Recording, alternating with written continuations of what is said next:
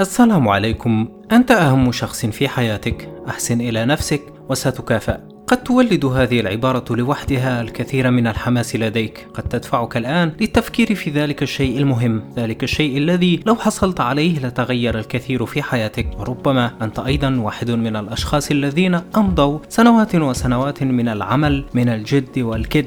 لتصل لهدف محدد من الأشخاص الذين علموا أن الأحلام تتحول إلى أفكار والأفكار تكتسب قيمتها من التطبيق والتطبيق هو الحد الفاصل بين الحصول على نتائج ترضينا وأن هذه النتائج هي ما يبقينا نتحرك رافضين الاستسلام.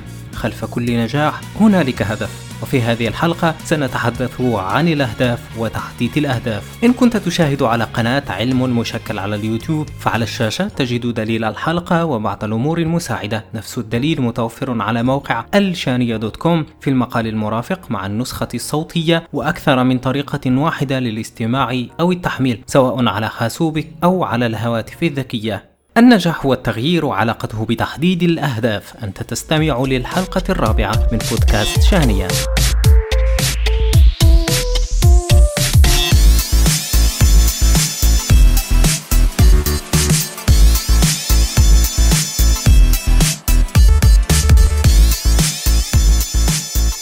أيها المستمع العزيز إن كنت ترغب بتغيير شيء في حياتك فأنت تضع هدفا لذلك. هذا الهدف يماثل الوضع الذي تريد أن تكون عليه مستقبلا أو يساوي الشيء الذي تريد أن تحصل عليه. نوعية هذه الأهداف تختلف بعضها يبدو سهل التحقيق البعض الآخر يبدو مجرد حلم لا أكثر. في حين تلتصق عباراته صعب جدا أو مستحيل بالكثير من أهدافنا. على بداية كل سنة أجد أن وقود الحماس قد دفع بي لتحديد الكثير من الأهداف. اكتسبت منذ سنوات عادة كتابة هذه الأهداف وهذا الفعل البسيط لوحده كان كافيا للمساعدة مع الأهداف الصغيرة أو المتوسطة. لكن بعد أشهر قليلة أجد أن الحماس قد اختفى وأجد أنه من الصعب جدا استرجاعه. السبب الكامن وراء ذلك أن هذه الأهداف أن تكتب أريد أن أقرأ خمسين كتابا أو أفقد عشرة كيلوغرامات رغم أنها محددة إلا أنها ليست الطريقة الصحيحة لتحديد الأهداف لكنها ليست أسوأ من الأهداف المفتوحة أريد أن أصبح مثقفا أو أن أصبح كاتبا أو أحصل على المزيد من المال أو أحسن علاقاتي بأهلي ما المقياس الذي وضعت؟ ما الذي سيضمن لك أنك ستصل لهذا الهدف إن لم تقف خلفه خطة عمل؟ الأهداف التي نضع أحيانا هي خطة الاستيقاظ باكرا هو هدف لكن لما؟ لماذا تريد أن تستيقظ باكرا؟ لأن ذلك سيسمح لك ربما بالتمتع بصحة أفضل. هذا هو الهدف الحقيقي. الاستيقاظ باكرا هو في الحقيقة خطة للوصول لهدف أسمى.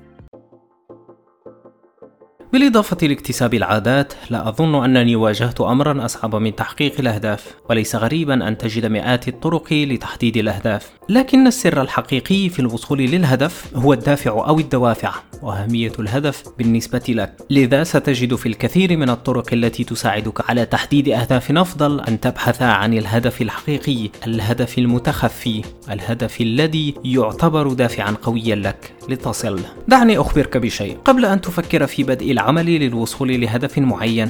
اكتبه اولا. لا تضع اهدافا في فراغ. ثم اسأل نفسك لماذا تريد أن تحقق هذا الهدف؟ دون هذا أيضا. بهذا الشكل أنت ترفع قيمة الهدف وتجعله أقرب إليك. تنتقل من الحصول على المال للحصول على المال لعيش حياة أفضل. لكن ما زال عليك إضافة بعض الأشياء ليكون هذا الهدف أقرب للتحقيق. قبل أن تضع خطة للهدف، سنعتمد على شيئين لقياس أهميته، وما إذا كان عليك أن تسأل نفسك نفس السؤال مجددا: لماذا أريد تحقيق هذا الهدف؟ الأمر الأول: تخيل أنك حققت الهدف، خذ الوقت الذي تحتاج وتخيل أنك وصلت لما تريد أن تصل إليه. حصلت على الشيء الذي ترغب بالحصول عليه. هل كان الإحساس فريدا؟ هل ترى أن هذا الهدف سيشكل فعلا فارقا؟ هل يستحق أن تستثمر الوقت والجهد من أجله؟ لنأخذ هدف أن تقرأ 25 كتابا في السنة فلنتخيل أنك حققت هذا الهدف أيعني حقا شيئا؟ ماذا لو كانت هذه الكتب سيئة؟ ماذا لو كان تحديد 25 كتابا بالتحديد هو حاجز يمنعك من أن تقرأ أكثر؟ أو أنه سيجعلك تستعجل القراءة فلا تحصل على أي شيء من هذه الكتب. الغرض من قراءة 25 كتابا قد يكون أن تحصل على المزيد من المعرفة. هذا هو هدفك الحقيقي. عدد الكتب ما هو إلا خطة توصلك للهدف ويجب عليك التحكم فيها أيضا كأن تكتب أن تقرأ 25 كتابا مفيدا أي أنه أثناء القراءة أي كتاب لا يوصلك للهدف يعني توقفك عن قراءته. الأمر الثاني اسأل نفسك سؤالا أصعب ما الذي سيحصل إن لم أحقق هذا الهدف؟ أريد أن أتوقف عن التدخين ماذا لو لم أستطع؟ ذلك يعني أن صحتي ستسوء أنني قد أصاب لا قدر الله بمرض ما. استشعر نتائج عدم تحقيق الهدف. سترى أنه بمجرد تخيل تحقيق الهدف وعدم تحقيقه سيساعدك على تحديد أهمية الهدف بالنسبة لك. وما إذا كان هو الهدف الذي أريد أن أصل إليه أم أنه ببساطة مجرد خطة تساعدني على الوصول لما هو أفضل. النقطة النهائية هي كتابة خطة المرحلة الأصعب الخطة ستحول الهدف المفتوح لهدف محدد. من أريد أن أستيقظ باكرا؟ لأريد أن أستيقظ باكرا لأتمتع بصحة أفضل. لا بد أن تحتوي الخطة على معايير للتقييم والمراجعة. لفعل ذلك اسأل نفسك سؤالين. الأول من أين يمكن أن أبدأ الآن؟ اليوم. فعل بسيط. ثم سأتدرج. ثم التقييم. لا بد أن تضع موعدا لتقييم ما تقوم به. والأهم ضع نقطة نهاية للهدف. سأساعدك على فهم هذا الأمر أكثر. أريد أن أستيقظ باكرا. هذا هو الهدف الرئيسي؟ الهدف التقليدي. لما؟ لأنني أريد أن أتمتع بصحة أفضل. إذا هذا ما سأكتب. أريد أن أستيقظ باكرا لأتمتع بصحة أفضل. أنا أستيقظ مع العاشرة مثلا. أريد على نهاية السنة أن أستيقظ مع السادسة. هنا حولت الاستيقاظ باكرا من هدف مفتوح لهدف محدد. ما يعني أنه على نهاية السنة يجب أن أكون قادرا على الاستيقاظ مع السادسة. هذا التحديد سيساعدني على معرفة ما إذا كنت قد حققت الهدف أم لا. الهدف تحول للتالي. أريد أن أستيقظ باكرا لصحة أفضل. مع نهاية السنة سأكون قد حققت هدفي في الاستيقاظ باكرا مع السادسة. لكن لحظة ما زلت بحاجة للقيام بأمر. الهدف سيأخذ وقتا قبل أن يتحقق. سأحتاج لمراجعته بشكل دوري. كل أسبوع مثلا سأجلس كل أحد لأراجع الأسبوع الماضي وأرى هل تقدمت ما الذي قمت به؟ وما الذي يجب أن أحسنه؟ وهكذا. الهدف الآن تحول للآتي. سأستيقظ باكرا لصحة أفضل. مع نهاية السنة سأكون قد حققت هدفي في الاستيقاظ باكرا مع السادسة وسأراجع تقدمي كل يوم أحد. الآن تملك خطة واضحة.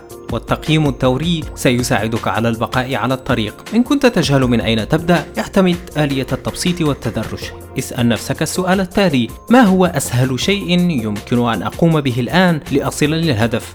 ربما الاستيقاظ بخمس دقائق فقط عن الموعد الاعتيادي. ثم تدرج خطوة خطوة ولا تنسى أن تقيم ما تقوم به لأن ذلك سيسمح لك بمعرفة ما يساعدك فعليا على التحرك نحو الأهداف. هذه الطريقة مبنية على الكثير من الطرق التي أثبتت فاعليتها في تحديد الأهداف ورفع إنتاجية الأشخاص. شخصيا أبقيها مرنة إلى أن أصل لطريقة تناسبني شخصيا وتناسب الطريقة التي أعيش بها، لكن كبداية ربما يمكنك اعتماد هذا الشكل في كتابة أهدافك ثم بعدها تبحث عن الأحسن والأفضل. حاولت أن أبسط الآلية ما أمكن، أهملت الكثير من الجوانب ولكن هذا يظل أفضل بكثير من كتابة الأهداف بالطريقة التقليدية. تحديد الأهداف ليس اختيارا فمع كل تغيير تقوم به أنت تضع لنفسك هدفا. مع كل حلم تضع لنفسك هدفا. مع كل فعل تخطط للقيام به انت تضع لنفسك هدفا. حتى أهدافك الواضحة والبينة تخفي وراءها الكثير من الأهداف. تحسين الحياة وحياة الآخرين قد يكون هدفك الأسمى. الهدف الذي يبقيك على الخط دوما لاكتساب المعرفة. للعمل والبحث عن مصادر المعرفة التي تنقلك للمستوى الأعلى. ضع دائما لنفسك اهدافا تنقلك للمستوى الأعلى. وتذكر أنه في أي عمر كنت في أي ظرف كنت لديك دائما اختياران الإبحار نحو الأفضل أو الاستسلام للوضع الراهن. أنا وأنتم في رحلة إبحار نحو الأفضل. شكرا جزيلا على الاستماع والمتابعة. على الموقع الشانية دوت كوم ستجد المزيد من المواضيع والمقالات التي تساعدك على عيش حياة أفضل حيث نتشارك معا رحلة التغيير. قبل أن أنهي الموضوع أدعوك للانضمام إلينا في مجتمع القراء والقراءة مجتمع البوك تيوبرز العرب والمشاركة في التحدي الجديد. تفاصيل في الوصف أو في المقال المرافق على الموقع. شانية موجودة على تويتر الشانية وفيسبوك الشانية يمكنك أن تتوصل بكل شيء على بريدك بالاشتراك في النشرة البريدية عن طريق الموقع والاستماع على الهواتف الذكية. كل التفاصيل على الموقع أيضا. هذا كل شيء. سفينتنا تتوقف هذا الأسبوع وتواصل في الحلقة المقبلة بإذن الله. خالد يحييكم من هنا. في أي مكان كنتم على هذا الكوكب إبحارا ممتعا. أدعكم في أمان الله.